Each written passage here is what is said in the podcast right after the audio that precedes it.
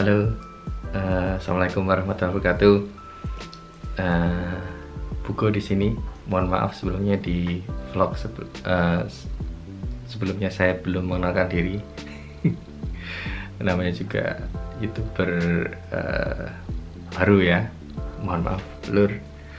Um, nah sebelumnya pengennya sih sebenarnya bikin vlog ketika uh, di di jalan kemarin habis uh, sepeda. Cuman anginnya anginnya kenceng banget. Mungkin akan liatin uh, video ini nanti. Halo lur saya coba untuk uh, merekam video di sini. Kena angin jatuh. Uh, untuk vlog kali ini saya pengen uh, update kehidupan kami di sini saya dan keluarga di di Belanda di Rotterdam Belanda. Uh, setelah pandemi uh, kita dimulai pada bulan Maret 2020 hampir kira-kira uh, 8 bulan yang lalu. Kami pikir nggak akan sampai sini awalnya. Cuman ternyata ya karena perjalanan orang ke mana-mana ya memang dan dan Belanda salah satu negara yang sangat uh, connected. Maka sangat sangat sangat sulit dipercaya kalau nggak kena gitu. Um, dan bahkan sebenarnya orang-orang Belanda juga merasa bahwa nggak mungkin nyampe sini gitu. Aduh.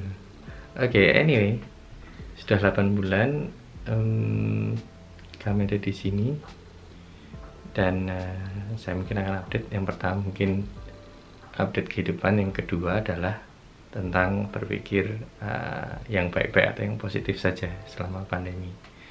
Dan mungkin kita akan uh, berpikir positif untuk tahun-tahun ke depan agar nggak stres gitu. Nah pertama untuk update kita uh, sekeluarga selama 8 bulan alhamdulillah semuanya sehat.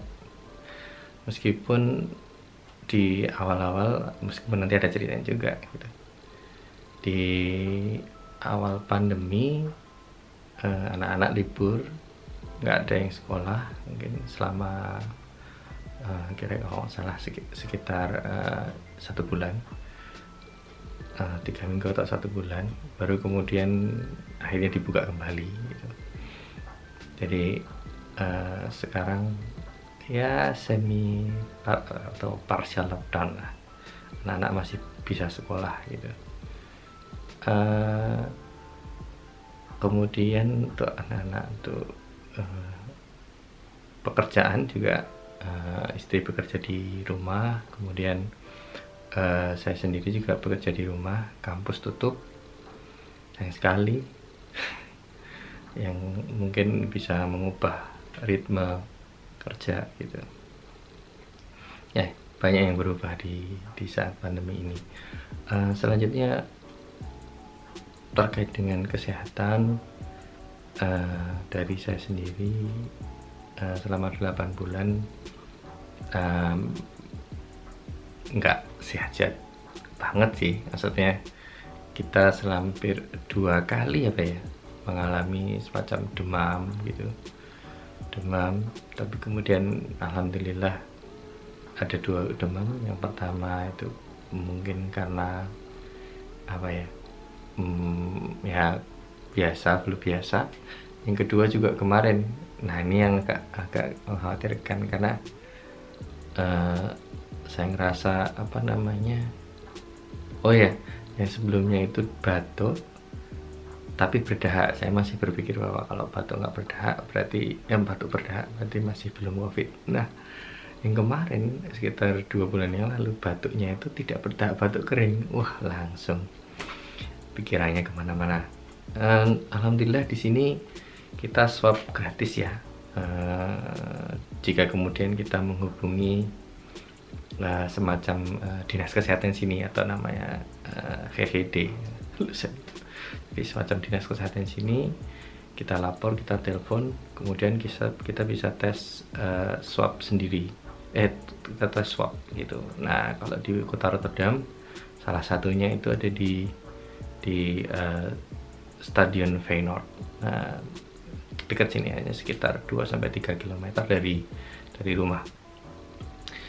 Yang menarik adalah nah ini adalah keuntungannya kalau negara maju ya. Kalau swab jika kemudian ada simptoms maka itu gratis gitu. Nah itu deg-degan uh, ya meskipun gratis ya tetap deg-degan ya. Dan rasanya nggak enak sih. Saya juga wajar kemudian uh, swab itu nggak banyak yang suka untuk swab uh, karena memang rasanya uh, ditusuk-tusuk gitu. Dan istri juga me, apa, um, dua kali tes swab juga alhamdulillah negatif dua-duanya. Uh, dan dan dua-duanya gratis ya. Kita ber, berarti udah tiga kali ya. Coba kalau kita bayar sendiri gitu. Hmm, lumayan. Kalau kita nah kecuali kalau mau pulang ke Indonesia kita harus tes swab uh, berbayar gitu. Nah, kalau tes swab berbayar kita akan dapat bukti bukti apa bahwa kita sudah tes swab dan negatif. Nah, kalau yang tes bukti berupa surat ya. Tapi kalau dalam kalau yang gratis tadi kita nggak dapat surat, cuma kita dapat uh, positif dan negatif aja. Which is oke okay, gitu. Yang penting kita sehat gitu. Uh, tapi mungkin yang lebih Nah, itu tadi terkait dengan tes. Nah, ada hal yang lain yang membuat kami deg-degan. Mungkin kemarin sudah saya ceritakan adalah uh, anak uh, sekolah anak salah satu gurunya itu kena positif uh, COVID-19.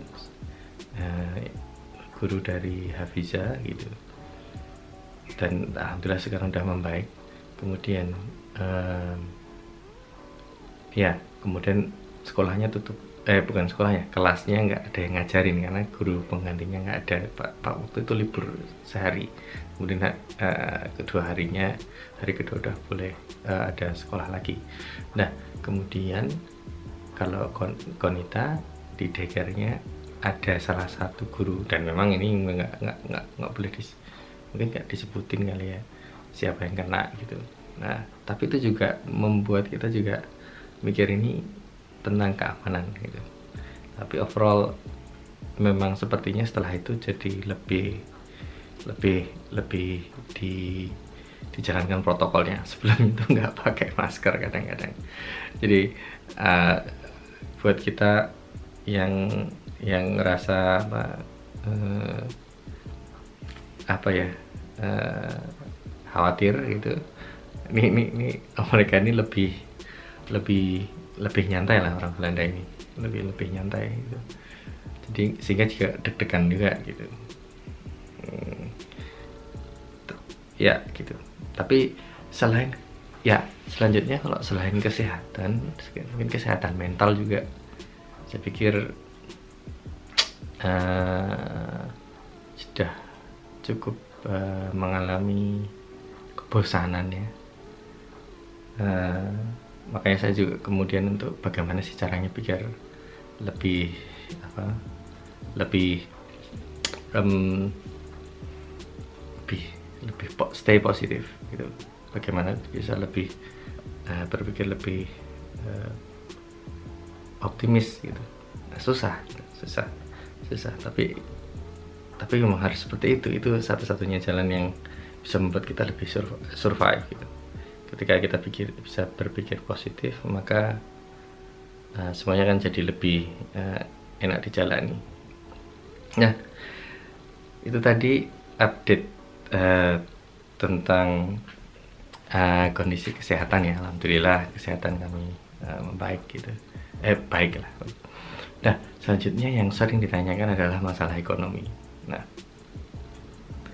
kalau dari sisi ini kita harus banyak bersyukur ya. Uh, dulur-dulur semuanya jika dulur masih punya pekerjaan gitu.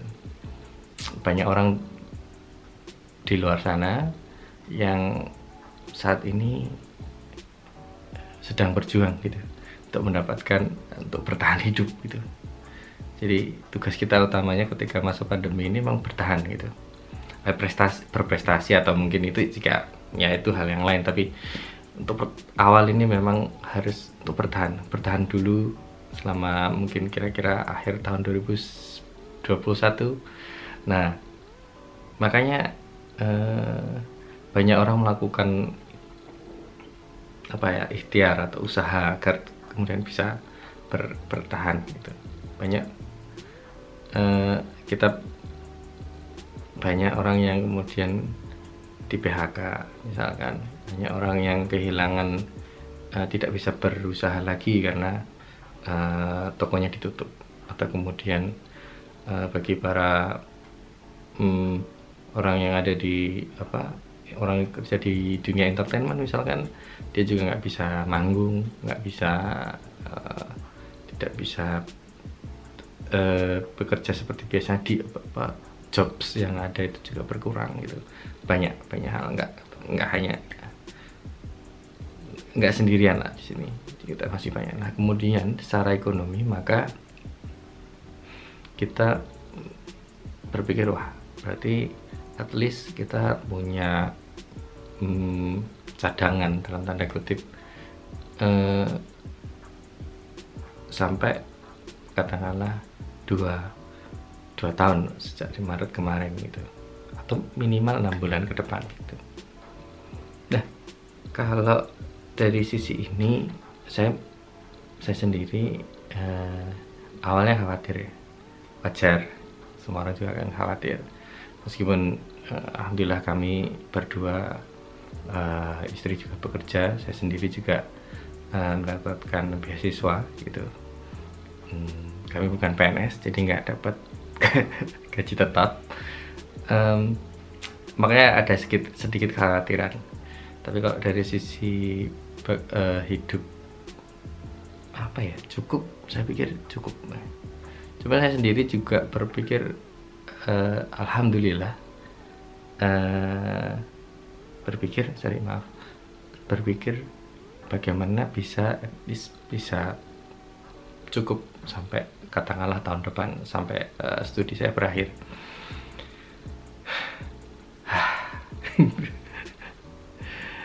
karena karena sebenarnya beasiswa saya itu berakhir kemarin September uh, 2020 bulan dua bulan yang kemarin. Tapi makanya agak deg-degan juga gitu. Nah ternyata nah makanya harus bisa positif. Kenapa saya bisa berpikir positif sampai saat ini adalah ya alhamdulillah ada uh, ada program perpanjangan beasiswa untuk um, dari buat buat uh, penerima LPDP di tahun terakhir. Terima kasih LPDP terima kasih. Terima kasih para pembaca pembayar pajak semuanya. Oh, utang saya makin banyak ini berarti ke ke negara. Um, jadi uh, saya sempat khawatir kemudian uh, apply gitu dengan kekhawatiran juga karena ada beberapa orang juga nggak nggak nggak nggak diterima gitu. Di, nggak diterima di uh, perpanjangan. Um, meskipun juga pasti akan berefek uh, pada studi mereka covid ini mau nggak mau ya. Maksudnya dari sisi harus nemuin anak di uh, di pagi hari uh, untuk apa pikirannya ke mana-mana gitu. Jadi overall kalau di sini uh, orang lebih apa ya lebih lebih lebih bukan nyantai ya.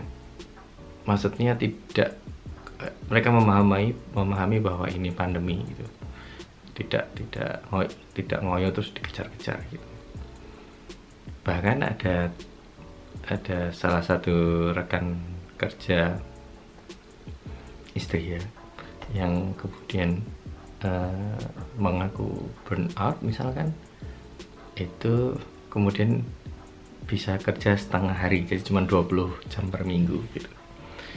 Kalau dari saya dari kolega sebenarnya nggak ada nggak ada berita ya. Tapi memang uh, delay itu uh, itu tidak bisa uh, apa ya sulit terhindarkan.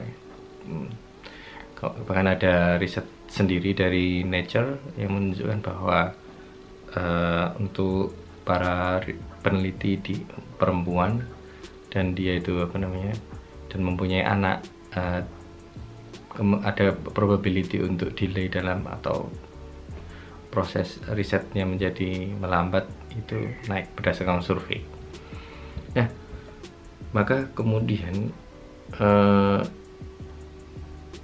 alhamdulillah ketika sudah uh, mengajukan alhamdulillah diterima. It's positive. It's very positive.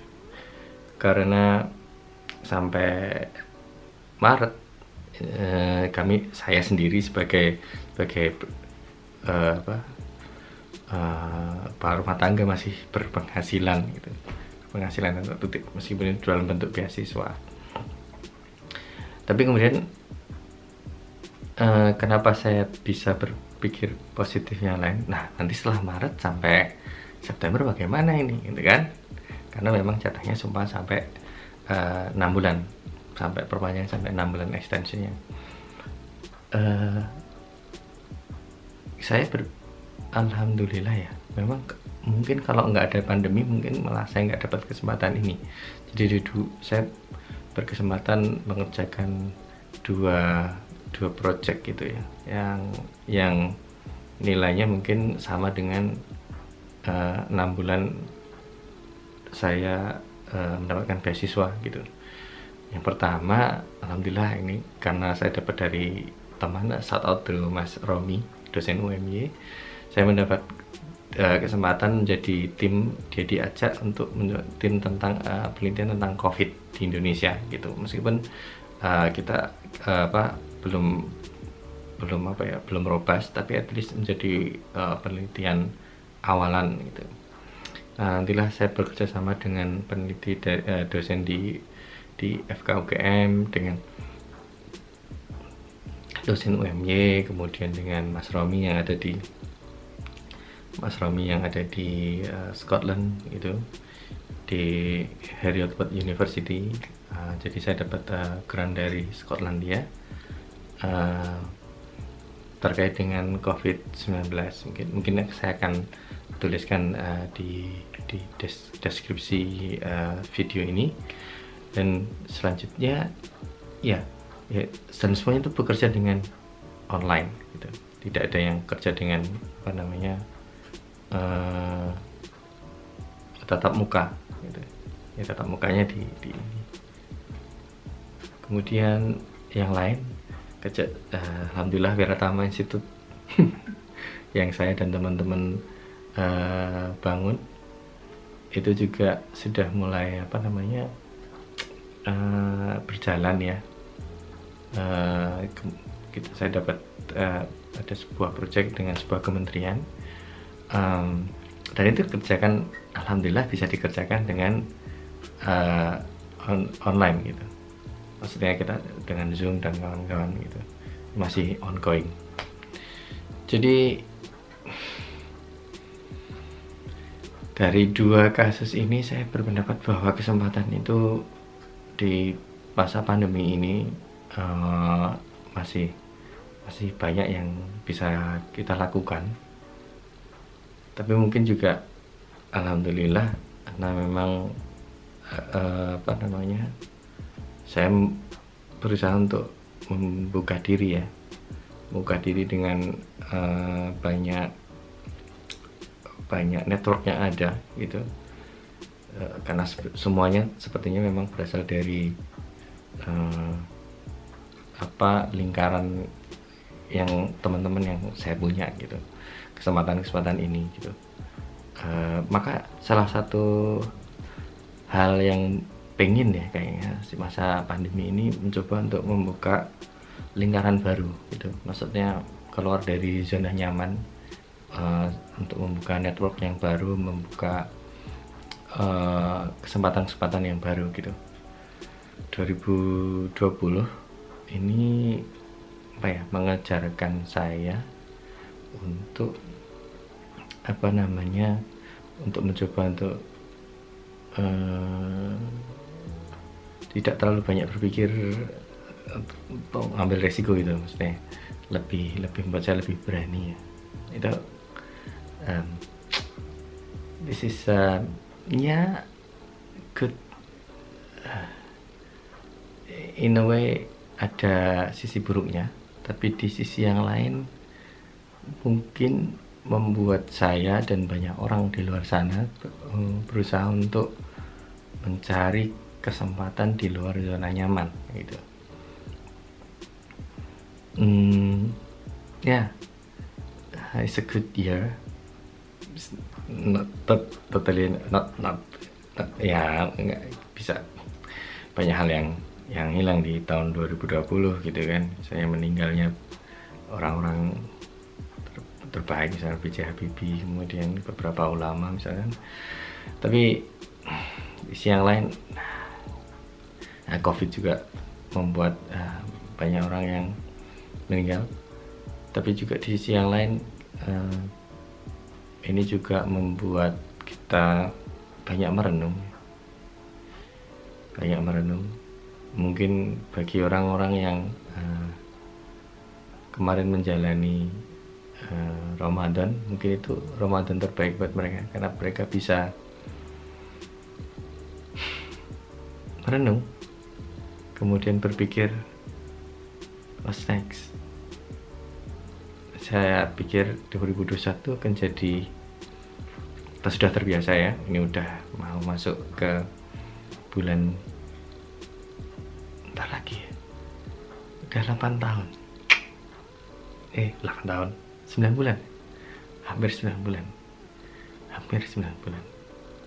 Maret kita satu tahun menjalani pandemi ini. Bersyukur jika kemudian kita masih bisa survive kita masih bisa berpenghasilan masih sehat gitu. Um, ya kita bisa. Kita bisa menjalani ini dengan baik. Insya Allah oh, saya pikir asalkan kita terus beraktivitas berpikiran positif kemudian uh, apa ya berikhtiar lah ya. Jika memang saya lihat kenapa saya juga membuat vlog ini salah satunya juga saya membaca bahwa mulai terjadi adanya pandemic fatigue apa ya orang sudah mulai fatigue itu udah mulai di titik apa ya jenuh lah ya. Udah mulai jenuh dengan berita-berita covid kayaknya udah mulai rame ini tapi mm, jangan lengah ini uh, sebuah maraton makanya kemudian uh, tetap menjaga protokol protokol kesehatan, menjaga aturan-aturan uh, yang sudah yang menjauhkan kita dari uh, COVID-19 ini. Karena COVID-19 ini jika kita kena efeknya tidak hanya untuk kita sendiri, tapi buat uh, keluarga kita, buat orang-orang di sekitar kita. Gitu. Jadi lebih baik mencegah daripada mengobati yang benar. nah, simulanya sebagai penutup Alhamdulillah uh, kita harus banyak bersyukur uh, uh, semuanya kita bisa ber bertahan sampai sekarang uh, dan kita insya Allah dengan jika berikhtiar uh, maksimal dan kita bisa menyongsong 2021 dengan lebih optimis. Mohon doanya lulus di tahun 2021 ini saya ngomong gini biar semangat untuk untuk me menyelesaikan uh, utang saya pada para pembayar pajak. Terima kasih LPDP terima kasih pembayar pajak semuanya um, sehingga nah biar biar uh, investasi yang sudah diberikan kepada saya dan